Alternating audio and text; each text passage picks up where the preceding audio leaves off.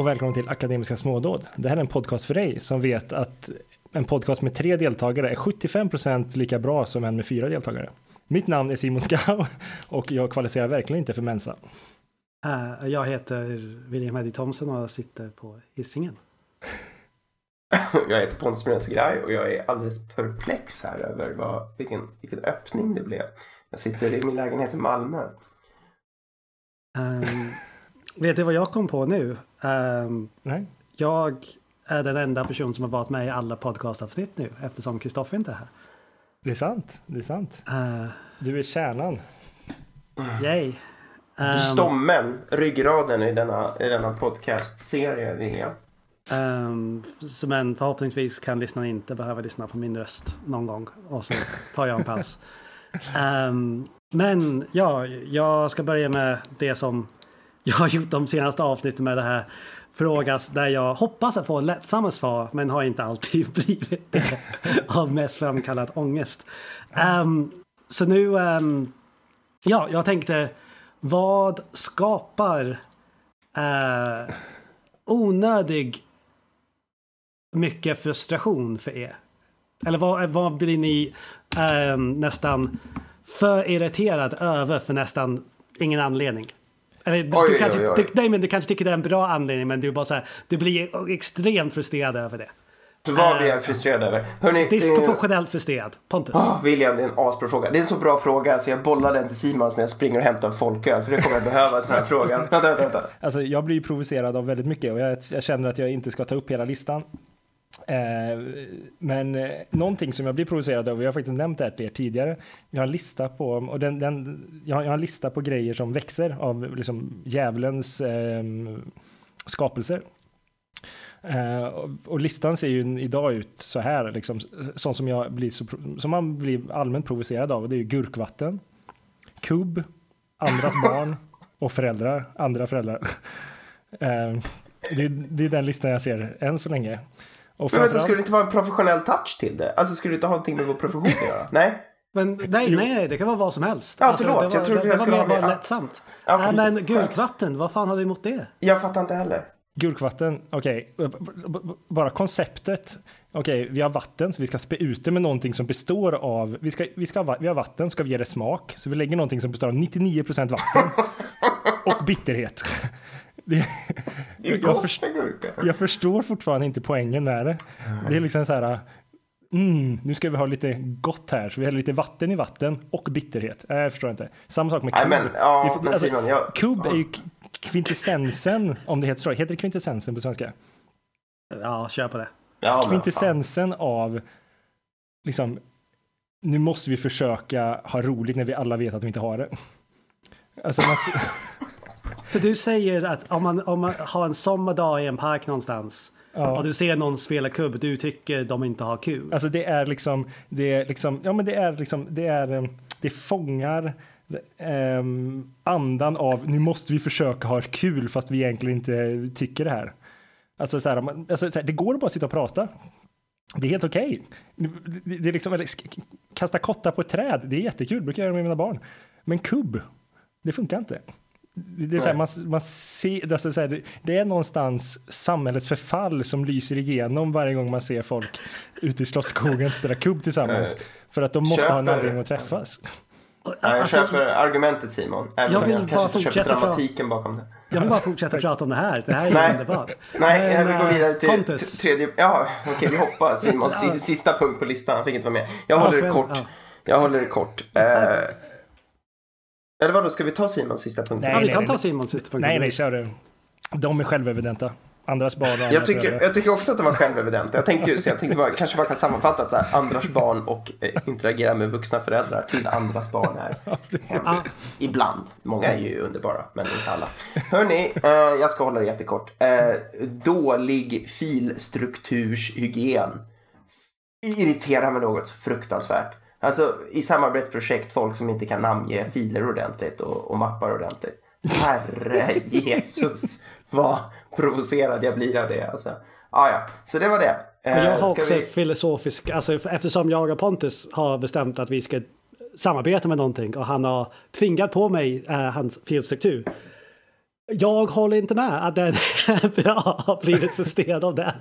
Är, är du provocerad av Pontus? Jag är provocerad av Pontus har, har uttryckligen sagt till mig det här är en bra filstruktur. Det, det är en bra filstruktur och det jo. är framförallt filstrukturen vi ska jobba med. Det, det finns ingen liksom, utrymme för tidlig, flexibilitet här. Den är tydlig men den är ineffektiv. Um, men vadå, vad är det för, hur funkar det? Spel, det? Vi går vidare till dagens ämne. Nej, tycker jag vill se vad jag är frustrerad på. Jag, jag, jag är förlåt, frustrerad förlåt, på saker. Vi får klippa det. Vänta, vänta, vänta, vi får klippa det. Eh, William, ska du berätta vad du... Ja, för, William, för, för, ska du berätta vad du är frustrerad över? Anledningen jag säger de här frågorna är ju för att jag vill bara, bara säga min, mitt svar egentligen. Um, och jag, alltså badmattor. Um, när de blir lite blöta. Alltså om man ska ha en badmatta så borde man ha, borde de bli torra ganska snabbt. Men badmattor, alltså de håller vatten i, i, i oändlighet om de blir blöta. um, det gör de faktiskt.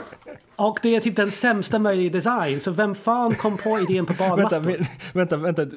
Menar du mattor i ett badkar? Eller menar Nej, du, badmattor här... i, bad, i badrummet. Ja, men Såna här så lite fluffiga. Och de bara behåller vatten hela jävla dagen. Nu, nu jag vet jag varför, varför det var mattor Simon har i sina badkar. Nu är det helt förvirrat här. Jag menar så här, halkskydd tänkte jag. Ja, halkskydd. Ja, ja. ja, men de får, de får, de, de kan, de får vara blöta. alltså halkskydd. Får, ja, men precis. Men de blir bara äckliga. Det var, om, man får, om man får mattan blöt i badrummet. Den behåller vatten hela dagen. Och, ja, jag, ja, men det... jag, jag vill veta vem som uppfann dem. Och jag vill veta vad den personen tänkte och som ni ser, jag, alltså som ni kanske hör, jag är verkligen äh, arg just nu. jag håller med dig. Det, det, kan, det är inte riktigt lika bra för att komma upp på um, djävulens verktygslista, men den, den, den snuddar vid Vi sitter här i, i treenighet, i djup samklang kring dessa svåra ämnen i livet som vi blir så frustrerade över. Ska vi gå vidare till dagens ämne?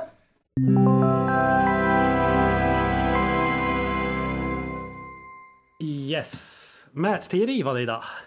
Ja, ska vi försöka snacka lite, lite löst om mätteori? Vad, um...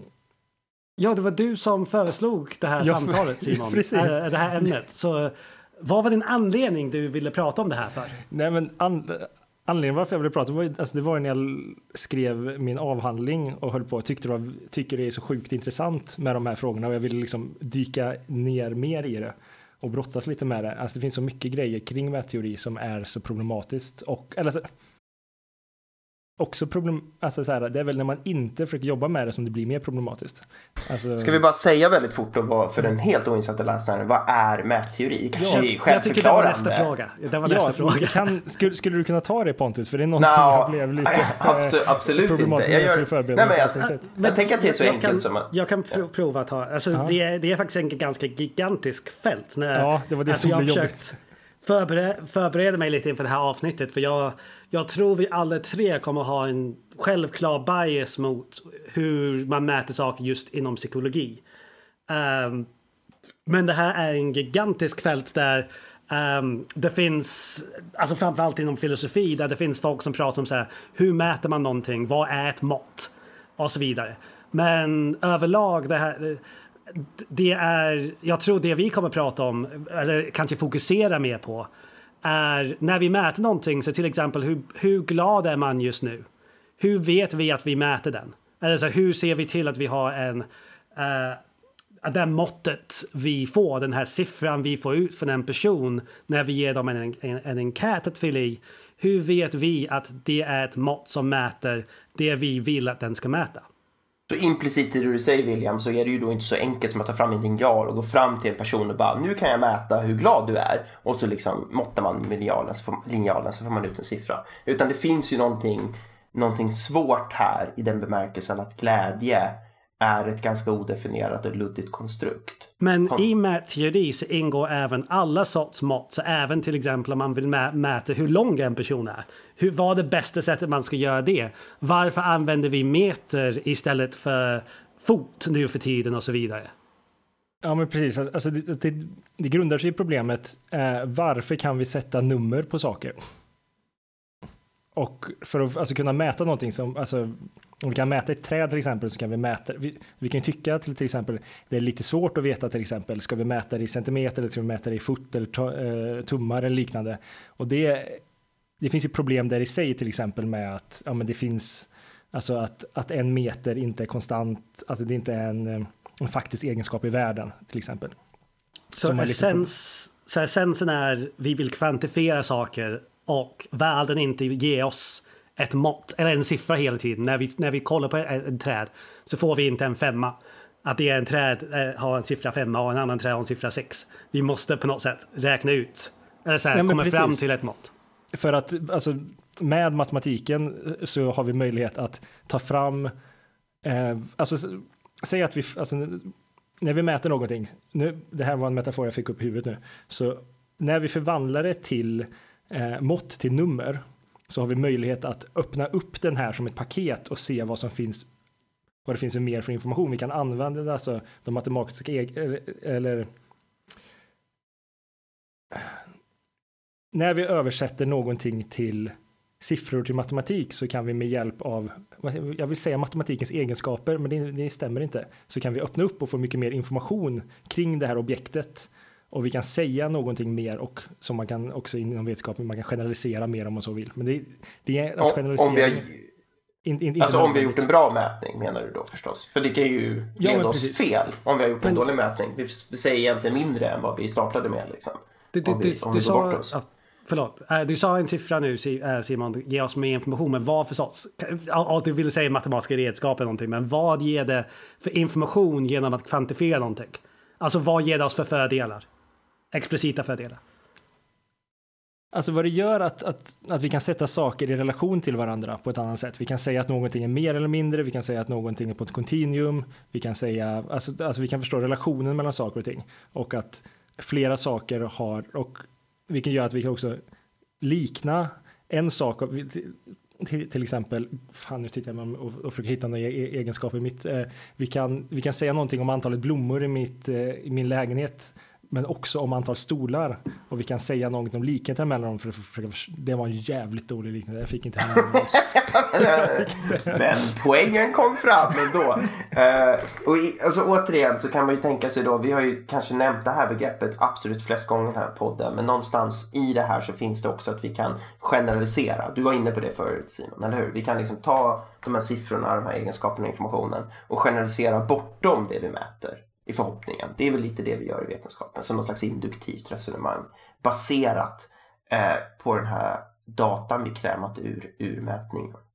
Ja, men precis. Men, men jag skulle också vilja att vi alltså, alltså komma till att man kan veta mer om något, alltså man kan reta, alltså, eh, ta psykofysiken till exempel, där man jobbade med, alltså i, början, i, början på, i slutet på 1800-talet, början av 1900-talet, alltså när man så här, petade på ryggen och så skulle man se, alltså med en nål och så skulle man se hur långt ifrån kan man eh, få en ny nål och känna att den är på ett nytt ställe helt enkelt. Och då kan vi liksom, eh, om, om vi inte mäter det på något sätt så kan vi heller inte skapa ett begrepp om vad är det här för någonting? Hur förhåller sig det här? Men när vi börjar mäta någonting så, så, så, kan vi prata om på vilka områden kan vi se vilka, vilka avstånd, då kan vi prata om hur känsliga de här områdena är utan att för den skulle direkt gå in och börja generalisera. Men vi kan börja säga mer om fenomenet som vi inte kan utan att mäta det. På samma sätt som om vi vill mäta något mycket svårare som till exempel lycka eller om smärta eller något annat som är mycket svårare att fånga med mätinstrument så är det fortfarande målet är fortfarande att förstå, alltså att vi, vi har en allmän inf information om, om, om, om lycka eller, eller glädje, men, men när vi börjar mäta det så kan vi också se de små variationerna i det för att kunna förstå det mer. Um, men du, du, sa någonting nu som jag tror, alltså det var jättebra det du sa nu, men jag, jag tror det var en sak du sa som jag är osäker om du menade eller om det var bara någonting jag reagerade på. Eller du kan inte tro på det här. Men du sa, jag tror du sa, um, i, vi måste kunna mäta det för att kunna ha en begrepp om det. Nej, men för att kunna eh, utöka våra begrepp om det. Okej, okay. det var det jag trodde du menade, men jag trodde du ja, sa... Precis. För vi vet ju vad lycka är till exempel. Alltså vi, vi har en typ en intuitiv precis. känsla vad lyckan är. Men vi vill kunna mäta det. Men vad, precis, exakt. Alltså, men vad jag ville säga var ju likt nålarna i ryggen för att se. Så genom att börja mäta det så kan vi förstå variationer i lycka. Det var det jag vill komma åt. Eh, Medan vi kan ha en förståelse för lycka, men den är så luddig och så klumpig att vi beskriver, innan vi mäter så kanske det väldigt mycket ingår inom samma begrepp och vi helt enkelt. Ja, vi kan ju inte använda vår intuition kring lycka för att göra scientific inquiry, alltså för vetenskaplig undersökning. Jag har svårt att se hur vi skulle kunna göra det. Fråga kvalitativa att, fältet. Um, ja, det finns ju också förstås. Där kan jag ju lite för lite då för att säga någonting. Men i det kvantitativa fältet, om jag får smalna av min lilla poäng här, så kan man ju tänka sig då att, eh, att det skulle vara lite skulle men, vara lite svårt om vi skulle gå omkring och prata om intuitioner. Liksom. Men hur, hur, hur börjar det om det inte börjar med intuitioner? Om det, alltså ja, det, får gärna, måste... det får gärna börja med intuition. Okay, det var okay, inte det jag menade. Det. Jag menar att det, vi måste ju sen bygga, bygga någon, för att vi ska kunna då använda det i vetenskaplig undersökning får vi gärna börja med intuitionen och sen börja sätta etiketter och siffror på, på intuitionen. Okej, okay, då, då är jag med. Men okej, så jag har en annan fråga som jag tror någon av er kan svara på. Um, och jag, jag, är inte 100% säker på de här begreppen, så jag, jag, jag, ska införa ett eget begrepp nu, för jag kan inte det här tillräckligt bra. Um, men vi, vi, har pratat om så här olika sorts mått nu. Vi har pratat om till exempel, till exempel lycka, som är inte någonting som är påtaglig, men vi har också andra mått som är till exempel hur många stolar Simon har i sin lägenhet, som är verkligen påtagliga mått. Så, så om vi kallar dem för direkt och indirekta mått. Um, eller eh, ibland säger man latent angående de indirekta variabler. Så man försöker mäta någonting som är latent. Som, men, um, så, men vad är det som skiljer de här två sakerna egentligen? Alltså jag kan inte svara på min egen fråga, men jag säga, det måste väl vara något mer på hur man kommer åt de här. Jag har ju en fantastisk bild i min avhandling om det här, som du, om du kommer ihåg. Alltså, uh, uh, ja, det har jag. Nej, jag minns inte alls din Men fantastiska de, jag bild. antar lyssnaren inte läst din avhandling. Nej, så vi får Vem, tror du? Va, ja, visst, kränk mig så vill du att jag ska... Nej men man kan ju... Nej men... Jag tyckte det var finns, det, finns det någon förutom William Kristoffer opponenten som har läst din avhandling? Jag tycker det var en rimlig intuition men jag har faktiskt inte äh, gått ut och mätit om lyssnaren har läst din avhandling. Så det har de flesta. Det var en dålig Jag hoppas att vi har fler lyssnare än folk som har läst min avhandling. Det är faktiskt sant. Jag ska inte hålla kvar vid den intuitionen. Uh, men men man kan, ticka, man kan ticka, man kan titta på det som till exempel, jag tror att det är svar. Var din fråga vad som är skillnaden på en direkt och indirekt mätning? Ja. Okej, okay, man kan titta på det till exempel som om, om man ser på ett träd så kan man avgöra hur den ser ut, man kan, eh, hur lång den är till exempel. Men så kan man, och det kallas då en, en direkt mätning, att man, man varse blir en direkt, ungefär som att och jag kan direkt gå på trädet med en måttstock eller en våg eller vad jag nu vill, och då mäter jag den direkt. Eh, medans om jag ser ett träd avspegla sig i en sjö till exempel, eh, så är det en in, så jag ser trädet i spegelbilden, så kan jag fortfarande göra viss, eh, liknande mätningar, men de mätningarna på träd gör jag då indirekt helt enkelt. Eh, och tanken... Om, om, jag förstår dig rätt nu, för det, för det här var Alltså jag förstår, alltså jag tycker det här blir lite mer komplicerat nu men det, om jag förstår det rätt nu, det menar så om man till exempel skulle försöka mäta längden på, en, på ett träd genom att kolla på spegelbilden i, i vattnet. vattnet. Det skulle ja, vara precis. indirekt mat. Det skulle vara indirekt mat. Och fast, jag... fast trädet, är, trädet är ju fortfarande inte latent variabel. Alltså trädet är ju, det, kanske var så att, det kan ju vara så att just det här trädet som vi tittar på inte är observerbart för oss. Så vi måste titta på det spegelbild i vattnet. Mm. Men om vi tänker tänk, tänk kring ett psykologiskt konstrukt som till exempel lycka det, det, spelar liksom ingen roll hur många människor vi går och tittar på. Vi kommer aldrig kunna observera någonting annat än just spegelbilden, skuggan av det eller vad man ska säga. Jag tror det var Simons poäng. Att det är Exakt. latenta variabler saker vi ser genom spegel, alltså bara Exakt. spegelbild. Som är lite suddiga, som inte direkta. Som vi måste komma åt. Nu kanske jag kränker Simon ännu mer då genom att säga att hans analogi med träd var dåligt då med andra ord. Men tänk oss att vi har ett skuggträd som inte existerar i, i, i vår verkliga dimension.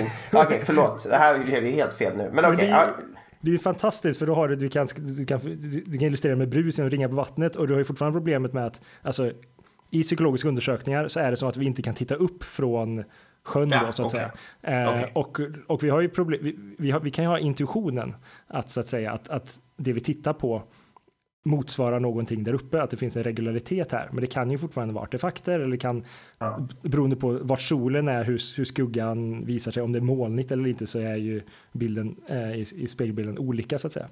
Eh, Men denna komponenter du just sa då var just, just det här äh, antagandet i psykologi eller i humaniora eller samhällsvetenskap så kan vi inte titta upp vi kan inte observera trädet. Vi, vi, vi är bundna till att titta ner i vattnet bara och se bara spegelbilden. Och det är det vi jobbar med då inom Och det är väldigt sällan vi ser Det är väldigt sällan vi ser en tydlig spegelbild då. Det blir också så här om vi tittar en gång så ser vi någonting brunt, om vi tittar en annan gång så är det grönt och sen äh, ja, till slut så kan vi härleda det trädet.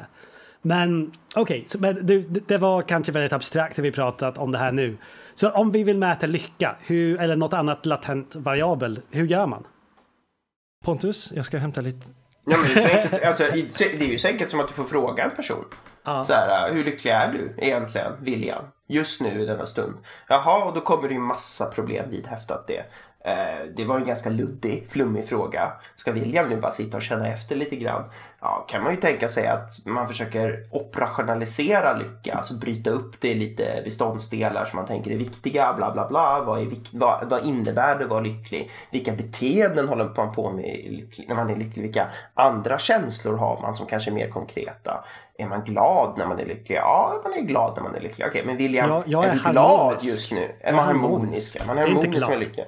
Då kan man ju börja fråga om sådana saker. Liksom. Och så, vad, vad, gör man? Har man några känslor som, är man är lycklig, har man frånvaro av vissa känslor och beteenden?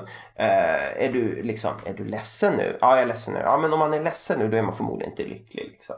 Så, att, så, så kan man ju börja liksom neg alltså negera grejer och ta bort det på det viset och attackera från olika håll.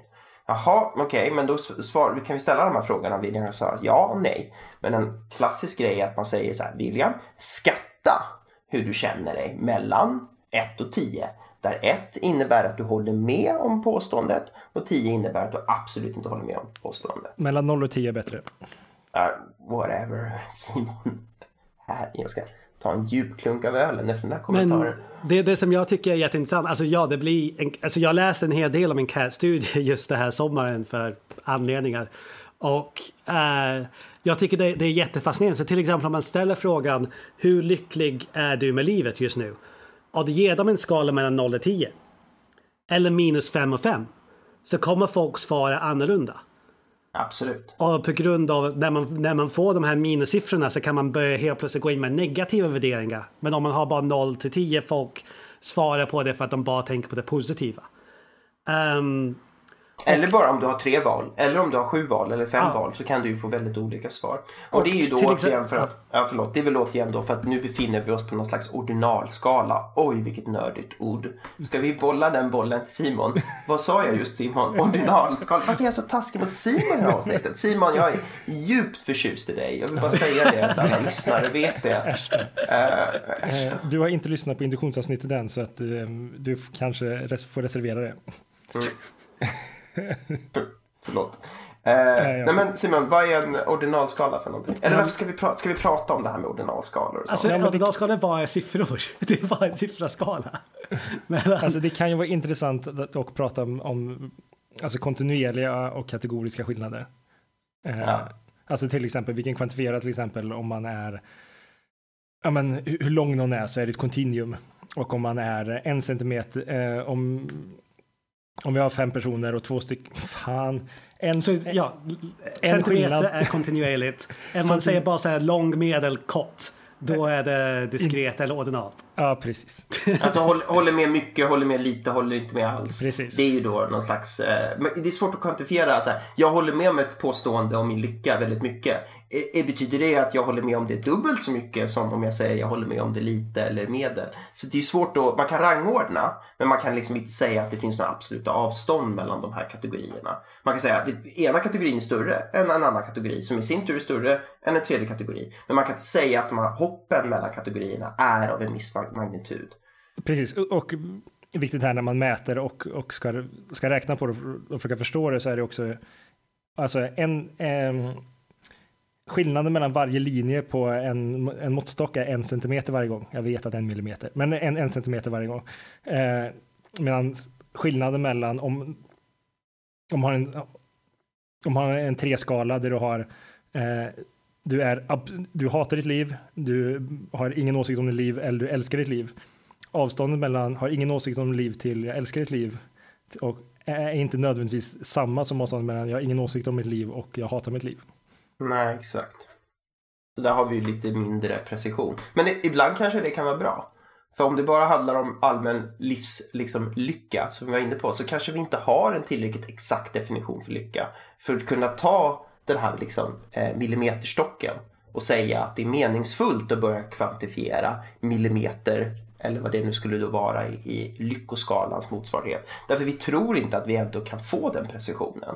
Så det är lika bra att vi håller det på en lite mera övergripande kategorisk, kanske med flummig nivå. För att det ger oss inte mer information. Det blir bara missvisande för våra försökspersoner att försöka sitta där och tänka mm, hur många fler enheter lycka har jag egentligen? Eh, en, en, eller eh, mindre lycka har jag egentligen? Så att, eh, då håller vi det konceptuellt övergripande så blir det lätt för, lättare att svara på och få kanske bättre svar. Det är ju intressant någonstans att vi kan få bättre svar med mindre precisa kategorier. En annan sak som kanske är bra att lägga till här är när, när vi försöker mäta till exempel lycka. Det är väldigt sällan man skapar enkäter eller så här, när man försöker fråga, få ut den här informationen från någon där man bara ställer en fråga. Utan oftast de här um, variabler, de här latenta variabler som vi pratar om, de här gömda variabler. Det brukar vara så här, eh, uppbyggd av flera frågor som ska försöka fånga det här, det här variablen. Så det kanske man ställer tio frågor till en person och tillsammans de här tio frågor när man så här, eh, uh, summerar ihop det leder till någon sorts värde tillsammans. Och det är de här tio frågorna tillsammans som ska leda till att de fångar upp och mäter lyckan än bara en fråga. Okej, okay, men varför gör vi på det viset då, William? Uh, för oftast det är jätte... Alltså det var flera olika saker. Så här, först på grund av att folk kan to tolka lite olika frågor på lite olika, uh, olika sätt. Um, jag önskar jag hade hela listan framför mig för jag har läst en hel lista på alla anledningar varför. Um, men det blir mer, oftast mer robust. För till exempel om vi kunde bara säga så här, är du lycklig ja eller nej? Och någon säger ja eller nej och alla svarar på samma sätt. Och det fanns inget brus och det fanns... Uh, och alla beter, beter sig på exakt samma sätt. Så kommer vi få... Um, så, så, så, behöver vi bara en fråga. Men på grund av att människor svarar på frågor lite annorlunda, på grund av många andra um, komponenter, att det är väldigt svårt att fånga någonting så abstrakt som lycka med bara en fråga. Så behöver vi kanske ibland tio frågor och om en person svarar på de här tio frågorna på exakt samma sätt, då är de jättelyckliga. Om de varierar jättemycket, de kanske hamnar i medel. Om de svarar jättelågt på allting, då är de inte lyckliga. Och så det blir ett, mer, ett sätt att försöka skaffa... Um, ehm, att försöka fånga upp det här gömd variabel bättre genom att ställa fler frågor. För då har man större chans att träffa uh, variabeln. Men om, jag bara får sticka in en sak. Om vi har ett, en vi försöker mäta en grej och vi ställer tio frågor och vi har massa personer som svarar hej vilt över hela skalan. Vad mäter vi egentligen i så fall? Alltså om du har tio frågor kring lycka och fem av de frågorna håller jag fullkomligt med om och, och skattar så högt upp jag komma och de andra fem skattar jag så långt bort på andra sidan så de stämmer inte alls överens. Alltså mina svar stämmer inte överens. Ja, mäter vi verkligen samma sak då? Eller håller vi inte på att mäta flera olika saker? Då är det kanske en dålig enkät. Men till exempel um, uh, om man ska mäta lycka till exempel. Alltså om du är en lycklig person. Uh, om, om det är vad vi försöker mäta. Om du som person har någon slags karaktärsdrag som lycklig. Om jag frågar dig hur lycklig är du just nu? Det kanske inte fångar ditt karaktärsdrag. Nej. Jag kanske måste ställa fler frågor som hur lycklig är du just nu? Hur många gånger tycker du du är en lycklig person? Hur mm. många gånger har du varit olycklig under det senaste året? Och mm. tillsammans kommer man åt det här variabeln lyckan på, en, på ett par olika sätt och tillsammans om det är en bra enkät ska leda till ett stabilt värde om du är lycklig. Och det. det ska leda till ett lågt värde om du är, uh, om du är en olycklig person. Um, en, en, kanske så en, en halv kuriosa, jag har en artikel framme angående folk som, alltså de här um, en cat som använde en eller flera frågor för att fånga upp eh, eller mäta någonting. Och det är av den här studien i alla fall som var så här flera hundra studier som, av flera hundra enkäter. Det var 70% som använde sig av flera frågor för att försöka mäta variabler. Och 30% som eh, ställde bara en fråga. Det säger ju egentligen ingenting hur effektivt den ena metoden är mot den andra. Nej, det, här... bara att vi har en norm då, där man ska gärna ställa flera frågor. I. Den här artikeln var jättekritisk mot de som bara ställde en fråga.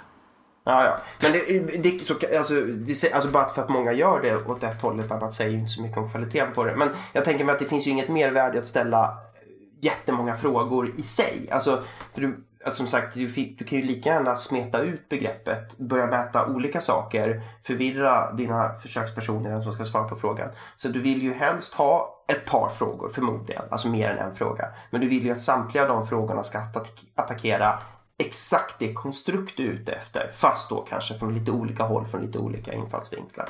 Men börjar du liksom smeta ut det här konstruktet, vad nu, hur nu är operationaliserat, till exempel lycka, Eh, då har du ju börjat gå bort dig i din mätning. Då har du förmodligen en osund mätteori här. Så att vi kommer väl in på det. Får jag ställa en fråga nu? Vi har ju pratat om det här. Hur validerar man om man vill mäta något? Hur validerar man själva mätningen? Vilka tekniker finns det för det? Um, det första egentligen när man gör en, enkät då, eller, så här, eller mätningar i, i många fall är just en sån här konstruktvalidering som du sa först. Så, så det, det, är lite mer en teoretisk eller så här, en begreppsanalys. Det, fin, alltså, det finns flera steg i en valideringsprocess. Så det ena är till exempel um, är det så att de här frågorna mäter lycka? Eller är det så att en av dem mäter olycka? Till exempel. Och då kanske det inte fångar upp samma sak som vi vill. Um, så så, det, ja, så först är det viktigt att det är um, uh, frågade, Alltså, och, det, det, jag var väldigt imponerad när jag läste om en över sommaren. Så här, hur mycket uh, jobb det går på att konstruera, alltså för att, för att skapa riktiga enkäter. Just för att se till att de mäter den konstrukten, den variabeln som den vill mäta. Um, så det är mycket processer. Men därefter finns det kanske en empirisk fas där man försöker validera en enkät. Och det är till exempel om, om, man, om man tycker att en, en lycklig person är lycklig, alltså det är inte bara så någonting man är stundsvis utan det är någonting som är en personlighetsdrag då borde man kunna ge den här enkäten till personer upprepande antal gånger och de skulle svara på samma sätt. Om de svarar väldigt annorlunda och man tror personer borde ställa eh, att personer borde svara likadan, då är det dåligt. Då, då är det en väldigt dålig mått. Det är som om man om man har en person som försöker mäta någons längd och de kommer med olika estimeringar på samma person varje gång. Då är de inte en pålitlig person att mäta någons längd. Ja, så om teorin är men om teorin är så här att lycka är ett personlighetsdrag och därför ska ah. det vara semistabilt över rum och tid. Yes. Då ska man svara ungefär samma sak. Men yes. det kan ju vara så att man lyckas, eller forskare är skitduktig på att mäta lycka. Men det är inte ett personlighetsdrag utan det är ett väldigt eh, tillfälligt tillstånd. Och då kommer man ju absolut, så att det behöver ju, alltså jag tänker just i ditt fall så behöver det ju faktiskt inte vara så att, att de har gjort ett, de kan ju kanske hit the spot, men de, teorin bakom är helt fel, för det var inte ett personlighetsdrag, det var inte stabilt. Ja, absolut. Men om man försöker mäta om man är en lycklig person som en personlighetsdrag, om ja, det okay. var det måttet man, man var ute efter. tillfreds och nöjd och glad människa i allmänhet. Ja. Då, då är ju någonting, eh, då är det ju lite fara på färde om man får väldigt stora svängningar i det hos samma person över tid. Ja, men antingen om man till exempel vill mäta någonting stundsvis så finns det till exempel man kan, man kan fråga andra frågor som bör korrelerar eller bör till exempel om man är lycklig och, om man har en enkät för att vara lycklig om man har andra frågor om lycka som kanske är andra formulär eller andra frågor. Jag vet jag kan inte tänka på något annat om lycka just nu. Men, Ska vi byta exempel snart? Ja, kan vi inte gå till ångest? Kan vi... och de, och, och, om de korrelerar med varandra. Så till exempel om, Om det finns, eh, nej men jag ska fortsätta med lycka. Om det finns lycka skala 1 och jag skapar en ny skala som jag tycker kommer vara lite bättre. Men eh, som jag kallar för lycka skala nummer 2. Eh, om jag ändå tycker att ly lycka skala nummer 1 är okej. Okay, min lycka skala 2 bör korrelera delvis med, eh, med lycka skala 1. Det finns ju ett vetenskapligt eller ett psykometriskt ord för detta som ja. är så science babbly så det måste nästan sägas i den här podden. Convergent validity. Lyssna på det. Vill man någonsin låta som en riktigt vet töntig vetenskapsperson så kan man ju slänga sig med det begreppet. Convergent validity. Jag försöker undvika det. Jag, jag pratar ja. om lycka skala 1 för ja, att undvika låter som. Vi, vi, klipper det, men jag ville bara liksom få in det där. För Nej, det, det är någonting vi skämtar om ibland när man ska prata om att låta som en vetenskapsperson. Sen finns det ju motsatsen till det om vi har någonting vi tror att vår skala eh, absolut inte mäter utan mäter motsatsen till. Mm. Till exempel ångest. Då vill vi gärna hitta en negativ, alltså en inverterad korrelation då, en association eh, mellan vår lyckaskala nummer ett och eh, ångestskalan nummer ett. Eh, för att de ska ju inte mäta samma sak, de ska ju antimäta varandra. Så då är det discriminant validity vi är inne på. Här, här, alltså, Jesus. Du, skulle ju, du kan ju förföra vilken vetenskapsmänniska som helst hör jag. Jag kan det. Tyvärr så imponerar det inte på min sambo. Men... Eh... Och det finns en rad andra mått man kan göra. Så till exempel om man kan använda dessa, här, dessa mått för att eh, producera någonting om dessa människor i framtiden. Det är ett annat sätt man kan försöka validera skalor och sånt. sånt. Så till. Kanske det mest intressanta du sa. Säger det här någonting om vad som kommer hända i framtiden? Ja. Och då kan vi komma in till exempel om man tänker på alla de här rekryteringsfirmorna och olika stora företag eller mindre företag som försöker rekrytera nya personer och ska ge dem massa konstiga formulär de ska fylla i. Och så kan man ju tänka sig att då vill ju de att de här formulären ska säga någonting om hur den här personen de vill anställa ska, hur mycket liksom, hur ska bete sig i framtiden. Hur, Rösta i nästa val, bla bla bla. Det till exempel. Får vi hoppas att våra företag inte bryr sig jättemycket om när man anställer. Men skit i det. Uh, men alltså, alltså, här kommer man ju in till det alltså, vardagsproblemet man stöter på då. Uh, alltså säg att det finns lyckomått 1 och lyckomått 2 och det finns ju en inflation i mått eftersom man är aldrig riktigt nöjd just på grund av att de här, den latenta variabeln, för vi mäter indirekt så, så tycker vi ofta att ja, men, de fångar inte riktigt lycka med det här måttet så vi hittar på ett nytt och så försöker man ta reda på det, hur det ska fungera och så gör man så det kan ibland bli att man använder två lyckoformulär eh, när man studerar. Och så ger de olika resultat. Vilket ska man lita på då? Vad, vad gör, alltså det finns ett intressant problem i att vilket är också egentligen samma problem. Varför ska vi ha flera frågor eh, på, på, ett formulär? Om två mått som ska mäta samma sak inte ger samma svar, ska vi lita på något av dem? Eller Nej, vi behöver ett nytt mått. Vi behöver lyckomått 3. Ska, skapar vi ett tredje förstås Simon. Den svarar, frågan svarar ju på sig själv. Ja. Uh, uh, nej men alltså, ja, ja, det, det, är ju en jätteintressant fråga egentligen och som vi egentligen, alltså alla kämpar väl med det som ska göras den här, liksom vilken skala. Du, som du säger, det finns en uppsjö av skalor, vilken ska man välja? Alltså. Men om man ska gå tillbaka till det William var inne på nu, ja men vi, vi ställer ju under tio frågor, kan man inte bara ta, och så tar vi medelvärdet av det. Kan man inte bara ta medelvärdet av de här två stora formulären? Ja, det vill man ju ofta oftast inte för man tänker väl kanske ändå då att de här formulären liksom är utformade och validerade som separata entiteter. Men då handlar det väl att gå tillbaks till metoden och valideringen som vi just var inne på. Vilken är bäst validerad och vilken är mest meningsfylld? Det är ju inte så lätt att svara på alla gånger. Det är en väldigt intressant sak att vi vill så att säga i med frågeformulär, så här, vi börjar med vi vill mäta lycka så att säga. Men så finns det inom mer experimentell forskning som till exempel när man ska mäta kognition så gör man olika typer av test istället för att man ska just, istället man ska skatta sig själv. Och det finns ett problem med, det finns, eh, eh, med att hur man namnger test. Och det finns ett test som till exempel som skapades på slutet av 80-talet som heter Inhibition of Return. Problemet som dök upp här var ju att det, man döpte testet till Inhibition of Return och man trodde under en 10-15 års period att man mätte inhibition med det här.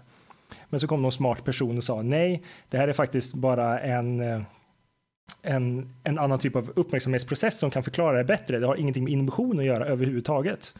Och då snackade väldigt många i början på 2000-talet om att vi måste sluta döpa våra test till. Det är ett bra test, det mäter något väldigt viktigt. Men sluta kalla det för det du vill att det ska, kalla, eh, det du vill att det ska mäta, för det kommer bara lura andra som inte är så lika insatta i det här. Um, och här har vi en intressant grej då, när man har massa mått som inte korrelerar med varandra i lyckotest 1, lyckoskala 1, lyckoskala 2, lyckoskala 3. Ska vi egentligen bara göra massa Okej, okay, jag hör ju hur dumt det låter. att vi har massa, vi bara ställer massa frågor på papper och säger är det ett mått som funkar eller inte?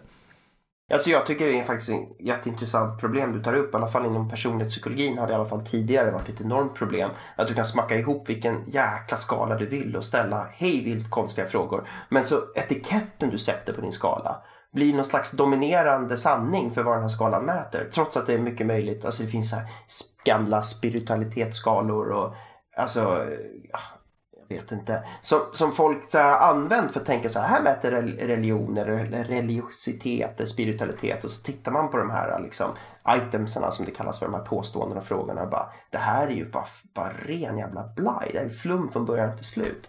Men jag tänker mig att det kanske som du säger, det kan finnas fortfarande en idé att bara ha en stor item pool, en stor pool, bassäng med frågor och sen så har vi vissa statistiska tekniker där man kanske kan fiska ur olika frågor som hänger ihop mer eller mindre. Och det är ju mer datadriven approach, att man bara tar en satans massa olika adjektiv eller frågor och så ser man så här om folk får skatta hit och dit på dem. Vilka eh, mönster faller ut i våra statistiska dela upp eh, modeller som vi använder. Nu försöker jag använda det, det... väldigt liksom icke-fackspråk här.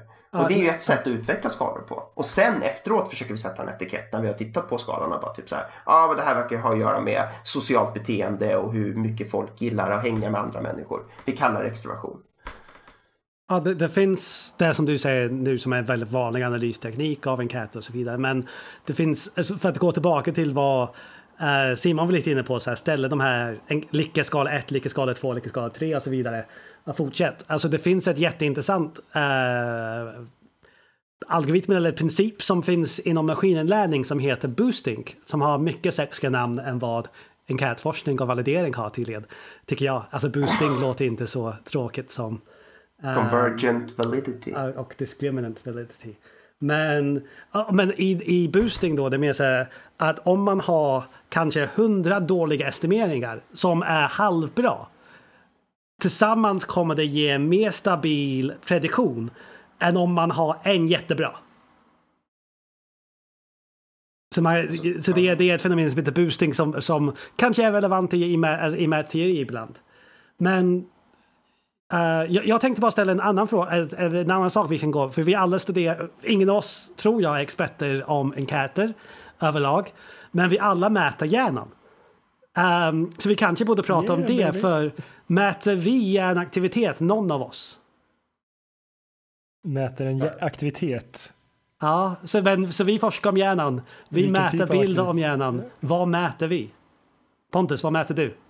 Ja, det undrar jag också varje dag när jag tar ett Eh, men alltså jag jobbar ju med en, ah, jag vet inte hur, djupt jag ska gå på det här, men jag brukar ju så säga till folk att jag mäter fysiologiska processer i hjärnan, brukar jag säga. Jag mäter receptorer, enzymer, kanske, kanske inflammatoriska processer. Men det här är ju när jag pratar med liksom, lekmän, när jag väl börjar liksom, när jag ska gå ner och prata med liksom, alltså vad jag egentligen mäter så är det ju matematiska modeller jag applicerar på olika tidsaktivitetskurvor som ger ett jävligt brusigt estimat av någonting som är ett indirekt, indirekt, indirekt, indirekt mått av densitet av dopaminreceptorn i hjärnan. Där har vi den. Där har är dopaminreceptorer eller recept, alltså andra sorts receptorer som du försöker mäta. Och som, ja, med betoning på försöker. Försöker, försöker gör ju och, väldigt mycket tyngdlyftning i den. Ja, och, och du gav även... Jag förstår du är lite skeptisk just nu.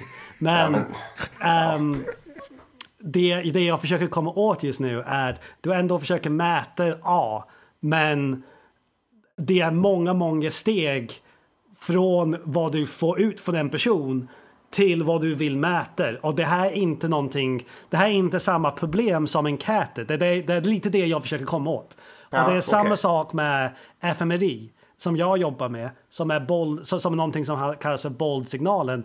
Och vi, vad vi egentligen mäter är oxideringen av blodflödet i hjärnan Så, så, så det har inget att göra med hjärnaktiv, alltså hjärnaktivitet i sig, utan ett jättestarkt antagande att när neuronerna är aktiva bör de behöva mer blod. Vi ändå från det här försöker prata om vilka hjärndelar är aktiva och gör massa andra inferenser därefter. Så vi försöker mäta hjärnaktivitet utifrån någonting jätteindirekt. Ja, det är ju det, vi, och, och det, du liksom, det jag tänker på att man får sammanfatta det du säger så. Vi mäter saker som är proxys för mm. konstrukt, alltså hjärnaktivitet som vi egentligen är intresserade av. Men vi har inte tillgång till det vi egentligen är intresserade av för vi kan till exempel inte öppna upp en mänsklig hjärna och stoppa ner lite elektroder och mäta någon slags neural eh, firing, alltså eh, yes. neural aktivitet direkt. Så vi får mäta en proxy till den neurala och ibland kan det vara en proxy av en proxy av en proxy. Och så kommer vi lite längre bort och så har vi lite mer brus och så har vi kommit ännu längre bort och så har vi ännu mer brus. Och sen så, så ska vi försöka uttala oss någonting om, om vad vi gör med våra små stickprov. Och, och det är väl där vi, vi hoppar ofta i ganska galen tunna. Men det vet inte, det var väldigt värdeladdat. Men skillnaden skulle jag vilja säga, och, eller som jag tror poängterade det, att i valideringsprocessen för själva tekniken är annorlunda än valideringsprocessen för, för eh, frågformulär. Den är mycket mer direkt. Alltså, vissa saker är likadana. Alltså man kan göra, som jag var inne på förut, som jag försökte inte nämna med namn, men med test-retest kan man göra både för enkät och stu, alltså hjärnstudier. Så alltså så man gör upprepande mätningar för att se att samma sak stämmer. Jo, jo, men, men alltså, alltså, alltså till exempel den tekniken jag använder mäter ju samma sak som William använder, gör, men inte med magnetkamera utan med ljus. Och alltså när man kommer på den tekniken som man ju, och, och validera den tekniken så börjar man ju att mäta hur mycket ljus absorberas i, i, i, i, olika typer av vätskor, olika syror. Man har kon, så man har kontroll på vilka steg man går hela vägen tills man går till den nivån där vi är, där är, man, har, man har tagit med sig antagna hela vägen. Mm. Alltså där man kontrollerat, nu tillför vi så här mycket av det här eh, det här ämnet som vi vet eller tror kommer absorberas så här mycket till exempel så kan man mäta det hela tiden. Men, men alltså, det, är, det är intressant, det är två olika saker när vi pratar om när vi gäller mäter. För mm. nu pratar du mest att, så här, den signalen du exakt, mäter exakt. Får, får ut en signal. Så du mm. pratar om så här, men signalen är vad vi tror signalen är. Exakt. Men en annan sak är hur ska vi tolka signalen? Det är väldigt, alltså för som den typen som vi mäter, jag och William, är ju som sagt syretillförseln till neuronerna så att säga. Eh, och, och men själva processen varför det sker Eh, jag såg en artikel nyligen, eh, nu ljög jag. Min handledare var på ett talk i januari där en, en snubbe la fram en ny teori hur, vad själva anledningen är från när, när neuroner aktiverar varför blodflödet ökar. Som var baserat på gliacellerna snarare. Eh, vilket var så här, Jaha, vi vet fortfarande inte varför. Vi kan se att det sker vi, och det verkar vara regelbundet, men vi har ingen aning om faktiskt idag mekanismen bakom det. Eh, vilket är väl din poäng att men det är alltså, förlåt för ett totalt stickspår, inte det helt sjukt att vi har hållit på med fMRI-forskning nu i 30-35 år och vet fortfarande vad det primära utfallsmåttet egentligen mäter i hjärnan. Alltså, vi vet väl lite, men det är ju uppenbarligen inte klarlagt ännu. Jag fattar liksom inte hur, hur ni har kunnat få tomta runt ert fält så här länge egentligen. William, vad har först, du att säga till ditt försvar? Först ska jag säga bara 25 år, den har riktigt funnits på riktigt, så inte 30 år. Och utöver det, det är mer som... Alltså det, det, är ju en bra poäng att det finns ju, det finns ju um, möjligheter. Men det finns, alltså det finns gott om valideringssteg det också. Alltså det finns ju lite osäkerhet. Men vi vet vi vet att en, en del av vad vi tror den mäter är vad den mäter. Trots att det finns folk som är skeptiska ibland. Och, men det finns um, sätt man kan validera saker. Som vi pratade om förut. Att om man har en, um, en lyckaskala och en ångestskala och de ska inte korrelera med varandra. Vi har använt, vi har mätt typ så här, den här hjärnaktiviteten med en fMRI-kamera. Samtidigt som, eh, som vi har kunnat vara invasiv i till exempel djurförsök eller andra saker som, som folk har gjort. Och då ser vi, och det är ett sätt man kan validera de här um, att, att, att måttet är att sammanfalla med de här, den här hjärnaktivitet yeah. som vi tror. Så det är precis på samma sätt som, så som man gör valideringssteg med hjärnaktivitetet också. Precis som Simon var inne på att uh, det, det har varit jättemånga valideringssteg för just att signalen, mät, att signalen är vad vi tror den är. Det finns även valideringssteg som många gör som handlar om um, att, att måttet är vad vi tror, att vi, ska, vi tolkar måttet rätt. Problemet är, det är hjärnan är så sjukt svårt och det här bara för att måttet kan stämma delvis betyder inte att det stämmer överallt. Så det är egentligen så här, så det är egentligen den här signalen vi får ut är som vi har ställt, vi har ställt en enkät studie med för många frågor. Och vi vill nu veta vilka av de här frågorna är hjärnaktivitet och vilka av de här frågorna är andra processer som vi inte är intresserade av. Just det. Och det är det som vi försöker reda ut nu. Och vi kanske för 10-15 år sedan hade för mycket hopp eller så trodde att vi, den signalen vi fick ut var 100% hjärnaktivitet. Och nu vet vi kanske bara 40% hjärnaktivitet. Och vi försöker hantera det. Så det är vad vi gör. Och det är varför jag håller på och jag inte känner skam i min kropp. Nej, men det är nog helt rätt. Det var ett väldigt bra svar. Det var också ett väldigt nyanserat svar. Och det är ju också hopp någonstans om att Alltså det är inte bara så att ni tomtar runt utan att det finns, hela, det finns en, grundläggande, en bakomliggande tanke för hur man validerar men också vad den faktiska signalen man jobbar med i kliniska studier idag, vad den betyder. Men det Delvis också... betyder i alla fall. Du har helt rätt, ja, förlåt. Nej, men det är väl också en skillnad med, alltså, alltså, från skillnaden från hjärnaktivitet till blodflöde. Att för, förstå hur mekanismen går till är ju en sak, men att veta hur regelbunden den är är ju en annan sak. Om man vet att den är regelbunden, väldigt starkt regelbunden, så kan man ju fortfarande gå på den proxyn. Mm. Eh, men utan att man för den skull kan veta varför den sker. Men behöver man veta varför i mätteori? Alltså det är ju jättebra Nej. att veta. Men man, jag tror i mätteorin så behöver man inte ha svar på varför.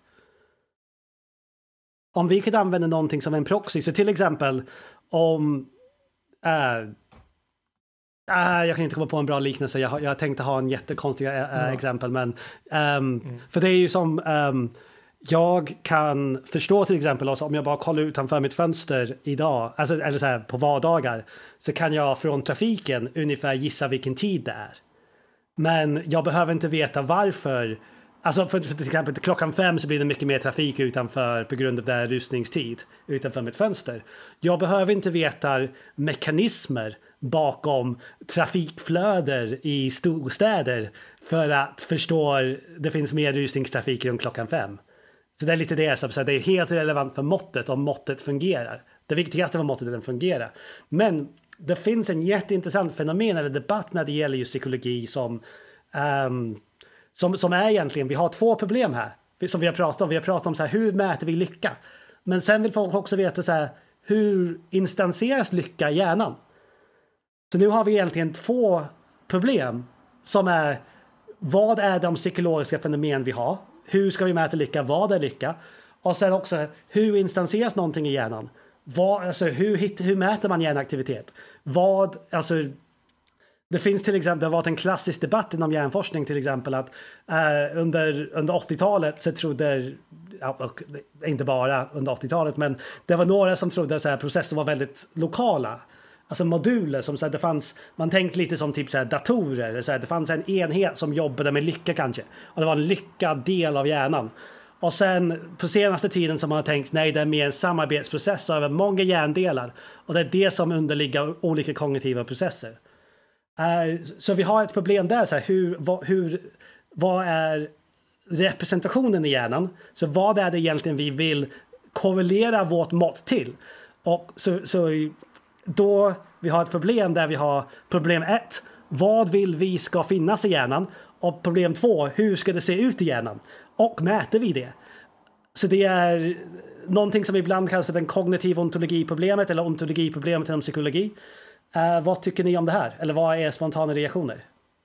Förlåt, jag kanske inte tog hela problemet på en gång, men vad var otydligt i det jag sa nu? Nej, men det, det var helt okej. Okay. Så till exempel, vad är uppmärksamhet? Det finns en väldigt klassisk William James citat som är så här, alla har en intuitivt känsla angående vad uppmärksamhet är. Men det är jättesvårt att förklara vad det är. Och jättesvårt att, att, att komma fram till det.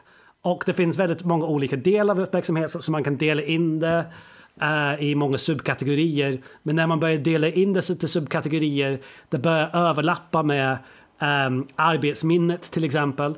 Och sen förut hade vi ett begrepp som hette korttidsminnet. Det har totalt försvunnit. Ja, det, vilket är fel, det, det borde vara kvar. Jag, jag, jag, har bråkat om det. Men jag håller med. Um, men, så, så, vi har begrepp, så, så vi bråkar om vårt begrepp. Och vi har pratat just nu att vi har jättesvårt att um, mäta våra uh, sak, de, här, de här konstrukter, de här latenta variabler med enkäter eller med andra saker. Det är så jättesvårt att ta reda på um, de här sakerna.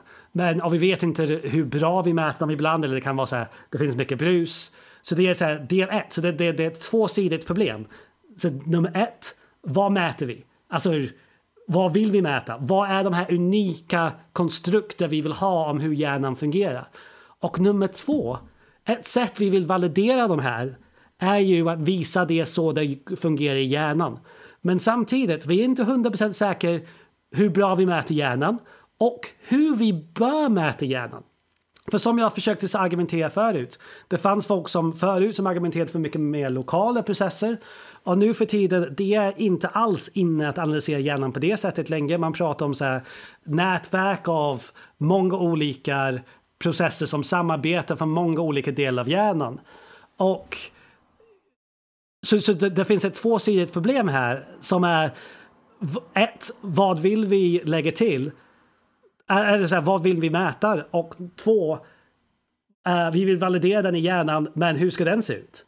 Men varför, varför vill vi, alltså okej, okay, ett, jag vill bara säga så här, jag tror att vi är ganska långt borta för att kunna använda oss av hjärnan för att validera våran till exempel psykologiska konstrukt. På grund förmodligen av det liksom, problemet som William här postulerar, så här, hur fan ska vi göra det, vad finns det? Och sen tror jag inte heller att vi är där idag med tekniken, att vi kan på något sätt mäta hjärnan på det viset så att vi, eller våran psykologiska konstrukt, felet kan ju ligga på båda sidorna, så vi faktiskt kan liksom föra ihop dem på något egentligen supervettigt sätt för att validera den ena eller den andra. Men liksom, jag tycker nästan det är intressant intressantare fråga att ta ett ännu steg tillbaka. Så här, varför? Varför ska vi ens göra det? Varför är det så jävla viktigt att blanda in hjärnan? Jag är ju hjärnforskare så jag borde ha svar på det. Men jag förstår fortfarande inte riktigt så här, why the brain liksom. Men du pratade om convergent validity förut. Det är ju ett sätt att skaffa convergent validity. Så här, om hjärnan fungerar på det sättet och måttet säger en annan sak. Så om hjärnan gör samma sak som enkäterna säger. Det skulle vara jättebra. Okej, okay, det hade varit fett om vi kunde komma dit förstås. Men jag tror att det är, vi är många, många år för att ens vara i närheten av att kunna utveckla Alltså en sån valideringsprocess. Så att nu är jag inte alls med. Men okej, okay, alltså nu vill jag hoppa in här. Jag, jag, nu, nu, ska jag slåss mot 15 olika bästar samtidigt känner jag. Eh, alltså, alltså, om man tar det till, alltså, gud jag vill prata om många saker. Nu känner jag att någon skriver till mig också. Eh, Nej, det var jag som bara sa saker. Okej, okay, jag tänkte, ja. Nej men, um, först för att försvara lokaliseringstanken och var den kommer ifrån, för att också försvara eh, vad heter det, Pontus. Alltså, de delarna av, av forskningen som har gett oss mest eh, eh, pålitliga eh, fynd om om, om hjärnan skulle jag inte säga är kognitiv neurovetare som jag skulle ingå i, vilket är alltså som mäter hjärna, eh, gör psykologiska tester och mäter hjärnaktivitet, utan det är neuropsykologer, de klassiska neuropsykologerna, som alltså individer som har fått skador, till exempel de har fått en stroke eller de har fått kraftig epilepsi, de har opererat bort vissa hjärndelar eller liknande och olika typer av beteenden har ändrats. Och då kan man ju tänka så här, eh, är vi intresserade av relationen mellan beteende, eh, kognit psykologi, alltså den kognitiva konstrukten och, och hjärnan. Och då är de kognitiva konstrukten då mediatorn mellan eh, vi opererade bort den här delen av hjärnan. Nu kan den inte göra, nu kan den inte eh, komma ihåg saker längre. Så då måste det vara något minnesproblem helt enkelt. Så att för att försöka länka mellan beteende och hjärnan har vi de här kognitiva konstrukten och vi vill försöka förstå, tänker jag, relation, varför folk beter sig på vissa sätt och då behöver vi även, alltså då behöver vi förstå hjärnan och, vi, och hur den relaterar till vilka konstrukt vi har.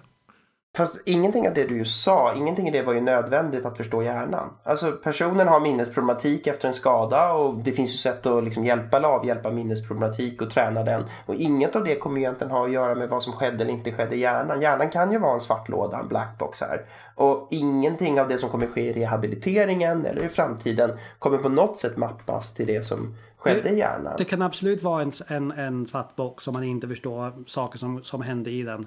Men ge mig något annat ämne i, någonstans, någonstans i hela vår, kunskap, hela vår kunskap där vi är nöjd med en svart låda. Vi vet de här processerna sker i hjärnan. Vi, alltså, det, det sker inte i njurarna, det sker inte i benet.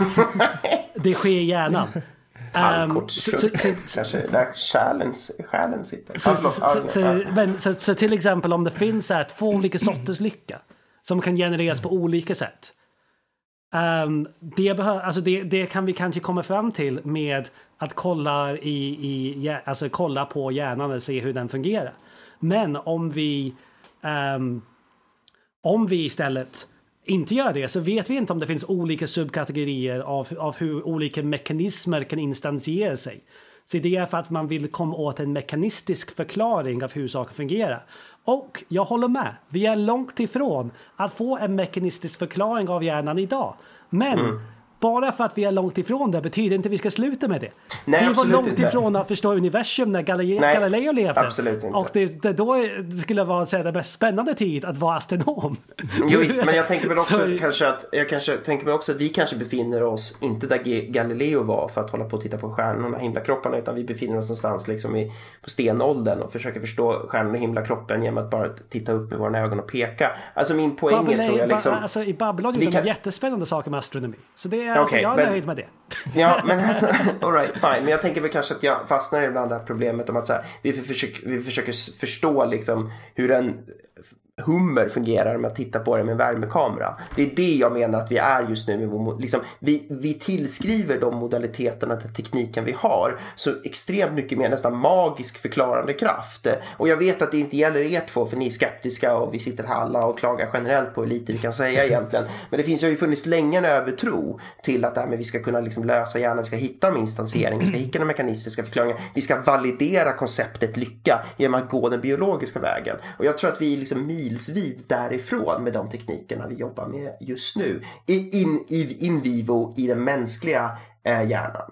Och på grund av en hel del saker som vi har pratat om i den här podcasten om så här publikationspress och, så här, eh, eh, eh, och att man måste publicera väldigt mycket, så här, göra sämre studier som är inte så replikerbara. Det var under den tiden där det här bubblades upp och blev ett jättestort problem.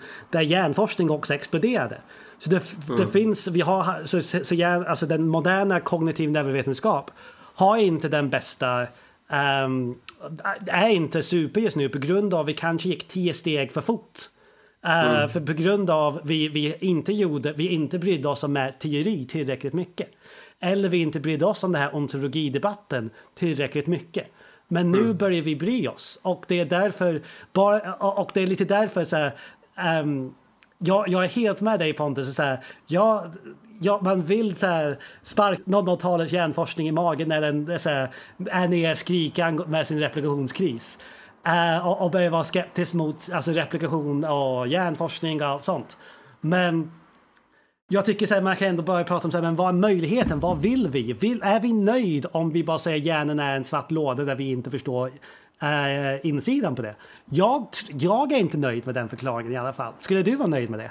Nej, men jag är inte nöjd med den förklaringen. Jag håller med om det William. Men däremot så tror jag det kan finnas en fara i att, ska se hur jag ska formulera det här, Alltså tro att vi kan komma fram till en bättre förklaring idag med de verktyg vi har. Och sen plöja ner massa liksom forskning och massa tid och etik och, och, och, resurser i det. Det är väl där jag tänker att så här, men det kanske, vi kanske måste vänta tills den teknologiska landvinningarna har gjorts. Men det finns, kan... det finns teknologiska utvecklingar hela tiden just nu. Det är så, som, som, som kommer från till exempel att man har um, a, a, a, um, att till exempel man kan täcka mer hjärnan uh, med invasiva elektroder. Det är någonting som utvecklas mer och mer hela tiden i den mänskliga hjärnan om man gör en invasiv operation. Uh, det, det, det, har ju, det är ju, det, den utvecklingen är skrämmande, skrämmande hur mycket elektroder man kan täcka, alltså hur mycket av hjärnan man kan täcka just nu. Mm. Um, så det, och så, så, jag, så, vi blir bättre, vi samlar in mer data, för mer data är också viktigt. Och vi har jobbat med för lite datapunkter under en så lång period. Och nu delar vi data. Hjärnforskning idag är bland det bästa med öppen data tror jag. Alltså av många fält. Så det går framåt.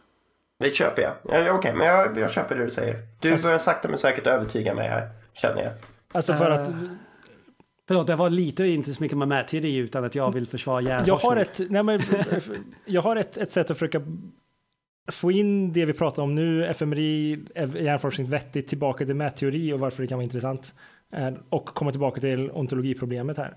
Eh, En intressant sak med när man, när man överför saker och ting till matematik eller mäter saker och ting, att man, man kan utveckla olika typer av matematiker, olika fält, lär sig olika typer av metoder och rent liksom, fan jag hittar inte rätt ord, um, rent hur datan ser ut och matematiskt utan att prata om vad datan ska instansiera, om den hjärna något annat så kan de se likadana ut. Så man kan tänka sig att det finns en ekonom till exempel som jobbar med någon, eller vi säger någon eh, trafikforskare jobbar med hur bussar rör sig i en eh, Framåt hur bussar rör sig i en, i, i en stadsmiljö.